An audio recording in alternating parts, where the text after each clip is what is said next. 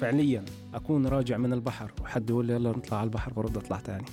بهذه العبارة لخص ضياء مجمل إحساس الصياد الحقيقي دائما يتوق للعودة إلى الماء. فهواية الصيد من القوارب تنتشر كالنار في الهشيم في الدول الساحلية وخاصة الخليجية. قد تختلف تقنيات الصيد لكن العشق واحد.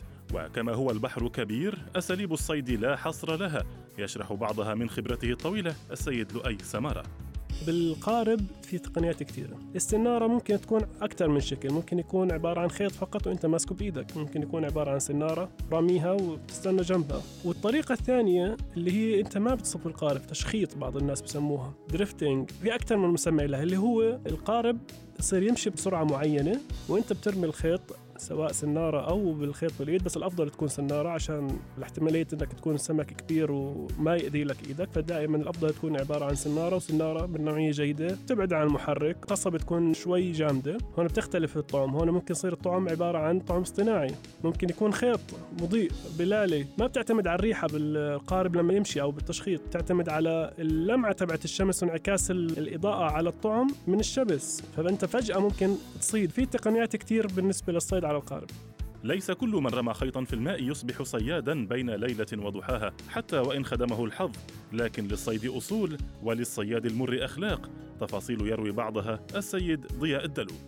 لكثير ناس الصيد ممل. أول شغلة بدها تكون فيك بدها تكون عندك صبر. هاي خيط مرمي في البحر مسكته السمكه هي مسكة. متى بدها تمسكه متى بدها تمرق عنه. سمكة ممكن تكون بقعه في البحر ما فيها سمك. تحت البحر هو مثل الكرة الأرضية. أماكن فناء وأماكن عمرانه كثير طلعت مع ناس أنا ما بعرفها. فجأة جو البحر بخلي ألفة بين الناس ما بتنبسط إلا إذا أصحابك صادوا. في أحيانا الناس لما تصيد السمكة إذا كانت سمكة كبيرة ما بتعرف تتعامل معها. مثلا سمك الشعر العربي أنت لما تيجي تصيده زي اللي ينتع كيف السيارة وهي بتنتع بتوقف تمشي بتوقف. هاي السمكة بالضبط زيها وأنت تسحب فيها فبتغلبك وبتكون ثقيلة وبتقاوم. بعكس الهامور مثلا الهامور بيكون ثقيل بس جاي معك براحته.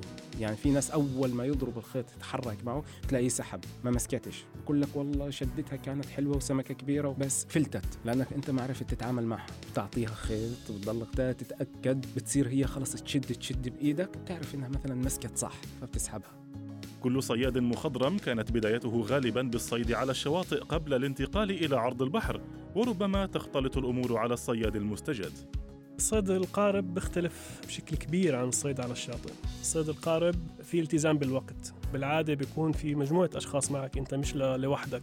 ممكن أنت على الشط زهقت تقوم وتطلع على القارب لا أنت إذا طلعت في أغلب القوارب بتكون بعبارة عن مجموعة شباب عشان راح تكون فترة طويلة. بدك تحط ببالك إنه الالتزام بالوقت والطريقة غير. أول شيء أنت كمان في أشخاص بده يجهزوا حالهم لما يطلع القارب. بده يحط حساب إنه الشمس بده يحط حساب من الدوخة بده يحط حساب من الحساسية بالمي بده يعرف الأمور كثير. وياخذ الأكلات الصحية معه وياخذ معه مي. يعني بده يكون في تجهيز كامل بيختلف بشكل تام عن الصيد على الشاطئ.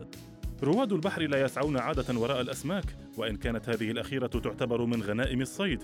لكن القارب يجذب مرتديه دائما بروابط أخرى قد تكون رومانسية في الطريقة التي يضعها ضياء. شوف أنا من فلسطين.